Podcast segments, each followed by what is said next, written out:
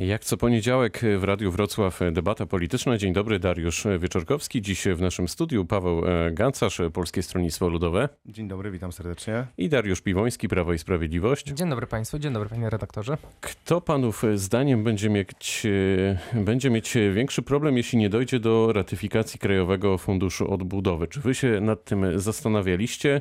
Kogo rozliczą wyborcy? Czy rozliczą rząd, czy opozycję? Może najpierw opozycja. Paweł Gancarz. Czy ja mam nadzieję, że do, takiego, do takiej sytuacji nie dojdzie? To są środki potrzebne, przypomnijmy, około 250 miliardów złotych, potrzebne e, Polakom. E, no ale to, o co zabiega opozycja, to, co, o co zabiega Klub Polskiego Stronnictwa e, Ludowego Koalicji Polskiej, to to, żeby te środki trafiły faktycznie tam, gdzie powinny trafić, czyli do polskich samorządów, do polskiej gospodarki. To mają być środki wykorzystane na odbudowę kraju po sytuacji epidemicznej. No i nie może być tak, że to będzie kolejny fundusz wyborczy e, partii rządzącej, kierowanych środków e, politycznie, nie tam, gdzie są potrzebne, ale tylko tak, żeby je wydać. Należy nadmienić, że to są środki, które będą w dużej części też zobowiązaniem finansowym, które trzeba będzie spłacić. Będą je spłacać przyszłe pokolenia i nie wyobrażam sobie takiej sytuacji, że rozsypiemy te pieniążki z helikoptera E, a później przyszłe pokolenia będą e, to zobowiązanie e, spłacać. Dlatego my stawiamy jasne, czytelne warunki. Między innymi mówimy o zwiększeniu ilości środków procentowo na polskie rolnictwo, to jest mówimy o bezpieczeństwie żywnościowym Polaków. Na dzień dzisiejszy to jest kwota 1%, mówimy głośno o 10% na mm, obszary wiejskie, na sektor to rolniczy. Gracie. Tak. Mówimy o tym, że w dużej części tymi środkami mają zarządzać polskie samorządy i E, mają być te środki dzielone w, przez polskie samorządy. To, co mogę dodać, brałem udział bezpośrednio w wysłuchaniu publicznym e, w, w polskim parlamencie w miesiącu marcu, gdzie e, z puli Polskiego Stronnictwa Ludowego zabierałem głos w imieniu polskich samorządów i tu mógłbym więcej, ale nie wiem, czy to na pan redaktor mi przecinek. Pozwoli. Mamy wprawdzie dużo czasu, ale kilka wątków. Dariusz Piwoński, czy jest szansa na to, o czym powiedział pan Paweł Gancarz, czyli na to, żeby te pieniądze nie były funduszem wyborczym Prawa i Sprawiedliwości?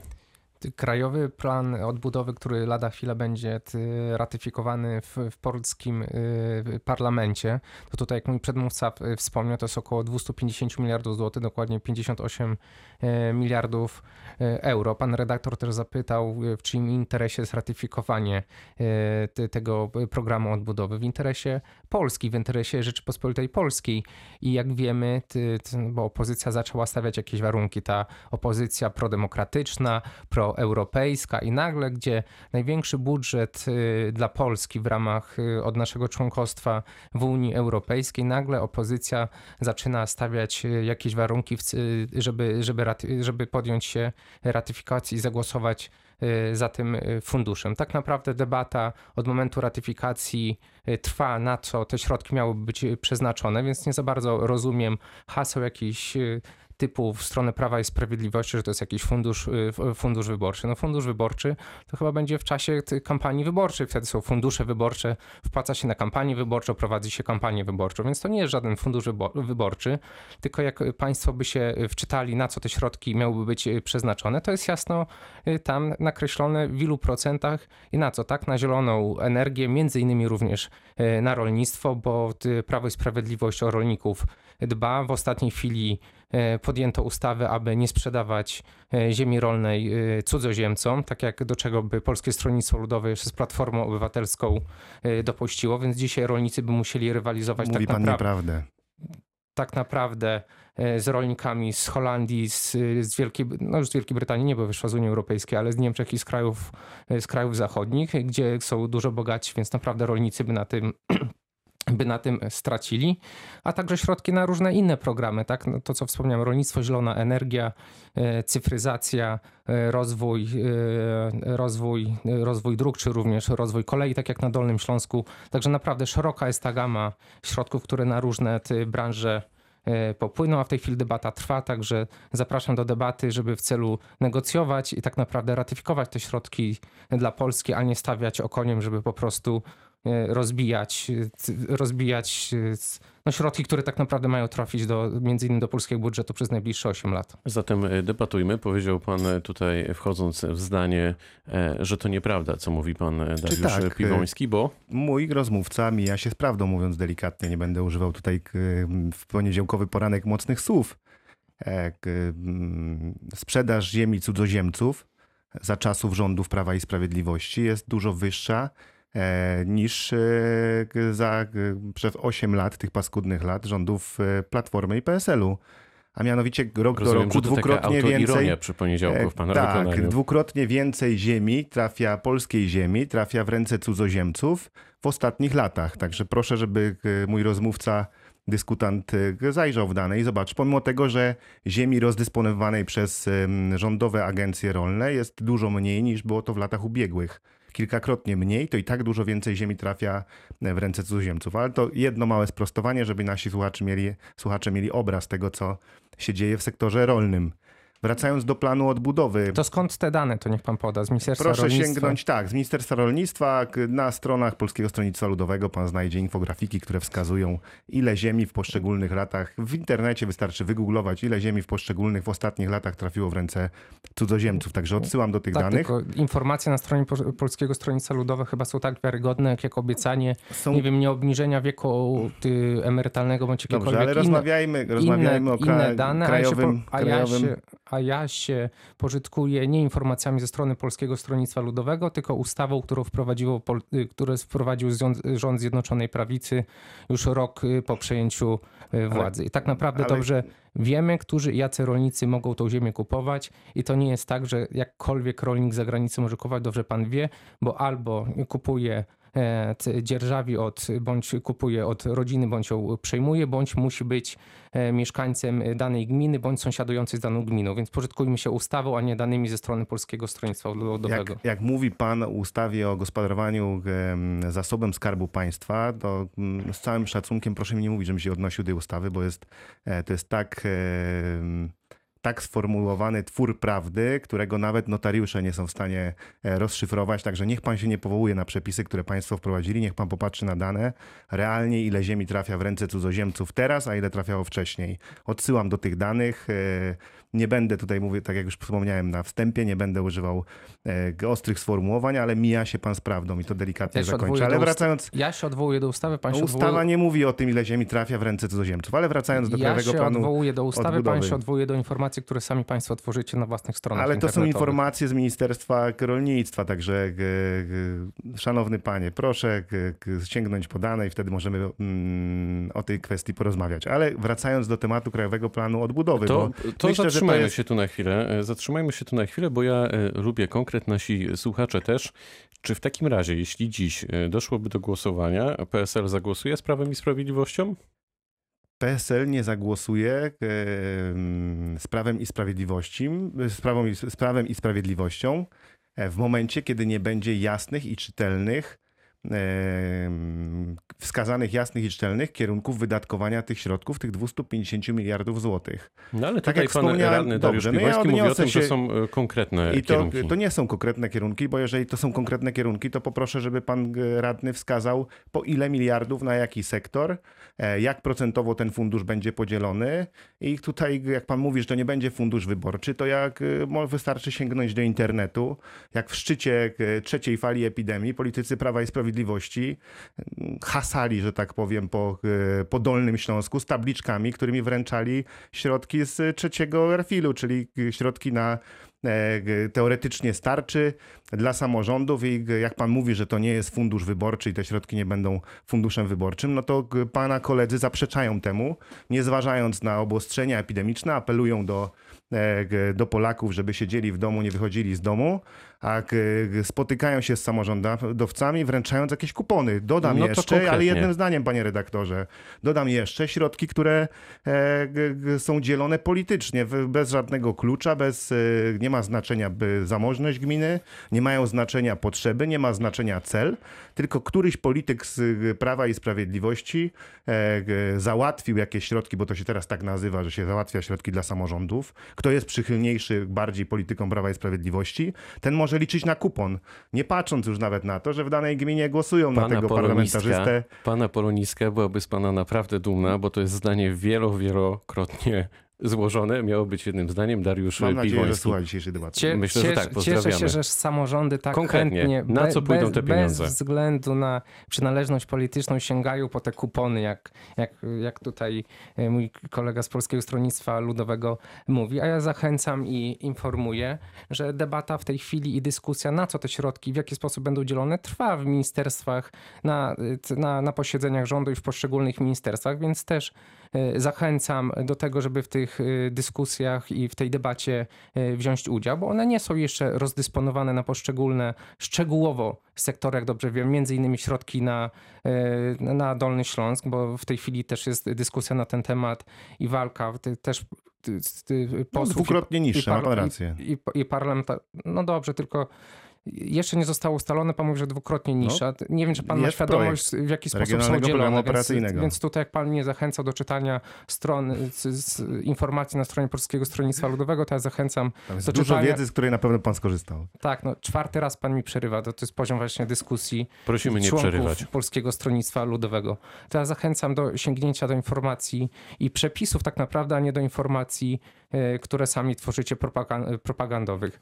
A środki z, funduszu z funduszu drogowego, które niedawno zostały przyznane, czy z Erfilu, który pan wspomniał, samorządy y, same zabiegały, posłowie nigdzie nie hasają, bo rolą też posłów y, i parlamentarzystów jest to, żeby rozmawiać z samorządowcami i zabiegać, i zabiegać w Warszawie, bo to, to, to jest rolą właśnie posła, żeby na poszczególne gminy te środki zostały przyznawane. Te środki są przyznawane, już nie sięgajmy do tego, czy bliżej do Prawa i Sprawiedliwości, czy dalej, bo tak naprawdę dobrze wiemy, że tak naprawdę każda gmina w ostatnim rozdysponowaniu te środki dostała. No ale tu pan się mija z prawdą, no, panie redaktorze, to ciężko słuchać takich e, herezji. E, em, Ja mówiłem tylko e, o e, trzecim Erfilu, e, gdzie, gdzie w szczycie epidemii e, państwa parlamentarzyści, tak jak mówiłem, hasali po Dolnym Śląsku, wręczając kuponiki. W A w ubiegłym do tygodniu- parlamentarzystów Polskiego Stronnictwa tygodniu- Ludowego, oni zabiegają tygodniu- i jeżdżą, ani siedzą Tak, w, w swoich regionach. To jest w ta różnica. panie redaktorze, i żeby Dolnoślązacy mieli też obraz, w ubiegłym tygodniu, w środę, w czwartek e, została opublikowana lista em, em, konkursu, jeżeli można to nazwać konkursem em, samorządowego funduszu dróg, znaczy funduszu dróg samorządowych. On zmienił nazwę w międzyczasie, bo teraz to jest rządowy fundusz e, dróg samorządowych. No i na tej liście ewidentnie widać e, wprost, które samorządy e, otrzymały środki, które nie. Dużo gmin i powiatów na Dolnym Śląsku, mam ze sobą nawet listę, jest pokrzywdzonych, które aplikowały o te środki, biednych gmin. E, Jednym ze wskaźników takim oddającym zamożność gminy to jest taki wskaźnik G, e, nie przekraczające tego wskaźnika nawet do tysiąca, a są gminy na Dolny Śląsku, które e, ten wskaźnik mają na poziomie 6 tysięcy i e, bogatej części Dolnego Śląska i tam te środki trafiły. Niezrozumiałym jest, jak jedne gminy otrzymają mówią dofinansowanie na poziomie 70%, inne 50%. Nie ma żadnych kryteriów, które wskazują, gdzie te środki, jak kierują. Decyzja czysto polityczna. Jak rozdysponowanie e, KPO ma wyglądać w taki sposób, to to naprawdę e, już widzę, jak Dolny Śląsk będzie się rozwijał symetrycznie, tak jak to Państwo obiecywali, że będą pom- pomagali Państwo tym, którzy naprawdę potrzebują. Ale jednym zdaniem do RPO, bo to mój przewodniczący zahaczył, też słuchaczom należy przypomnieć, w poprzedniej perspektywie regionalny program operacyjny na Dolny Śląsk to była kwota około 10 miliardów złotych na kanalizację, wodociągi, świetlice wiejskie, e, infrastrukturę drogową, różnego rodzaju projekty z branży turystycznej. No a na przyszłą perspektywę g- prognoza jest 4 miliardy złotych, czyli nawet połowy tego, co, g- co było za czasów złych rządów Platformy i PSL-u. Jednym zdaniem odniosę się do tego.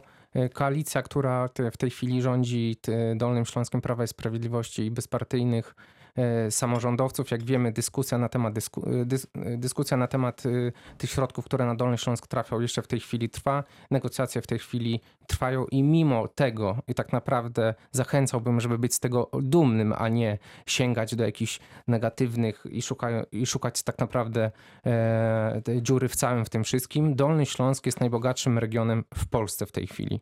I to, że jest najbogatszym regionem, przekłada się na to, że te środki nie są, nie, nie sięga się do wszystkich środków, do których można sięgnąć, bo część puli tych środków Unii Europejskiej trafia na, na biedniejsze regiony. I o, tym, I o tym pan powinien wiedzieć. Ale mimo to pan minister Michał Dworczyk i tutaj s- posłowie, y, parlamentarzyści, członkowie dwóch wicemarszałków y, województwa zabiegają o to, żeby te środki były równie wysokie, jak nie wyższe niż w poprzedniej perspektywie. I jak się spotkamy za miesiąc, dwa bądź trzy, kiedy ta perspektywa zostanie już wynegocjowana i państwo, którzy jeszcze się wahają, zagłosujecie y, bądź nie za, tym, y, za tą perspektywą finansową, bo tak naprawdę nie głosując, to pan się wstrzymuje przeciwko tym środkom również dla Dolnego Śląska. Nie wiem, czy pan ma świadomość, i dla własnej gminy również.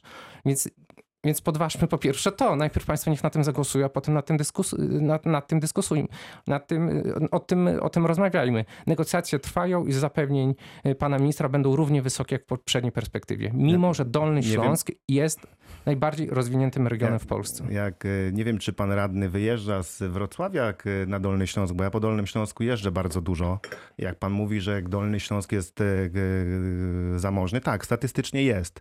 Wrocław, e, okolice Zagłębia e, Miedziowego, e, ale mamy mnóstwo powiatów, mnóstwo gmin takich, które e, wyludniają się, które e, no, idą w ruinę wprost. I e, patrząc tylko na tą listę z tego ubiegłotygodniowego rozdania środków, no to proszę sobie wyobrazić, że żadna gmina z powiatu biednego powiatu lubańskiego nie otrzymała środków, z powiatu lwóweckiego, z powiatu złotoryjskiego, biednego powiatu milickiego, bo tam jest też trzy gminy, żadna nie otrzymała tych środków, żadna gmina e, z powiatu karkonoskiego, e, powiatu turystycznego. A więc e, takich przykładów jest mnóstwo, jak te środki mają być zmarnotrawione i później e, moje dzieci, pewnie pana dzieci mają te środki e, spłacać przez kolejne kilkadziesiąt lat, bo tak jak mówiłem, to jest w dużej części pożyczka, no to naprawdę może lepiej, żeby te środki do, do Polski nie trafiły, jeżeli To ja tak zadam inaczej pytanie, bo może w ogóle cała ta dyskusja jest e, niepotrzebna, bo e, po prostu, co podkreśla między innymi Lewica, e, po prostu e, trzeba przyjąć e, ten projekt, bo Polski nie stać na odrzucenie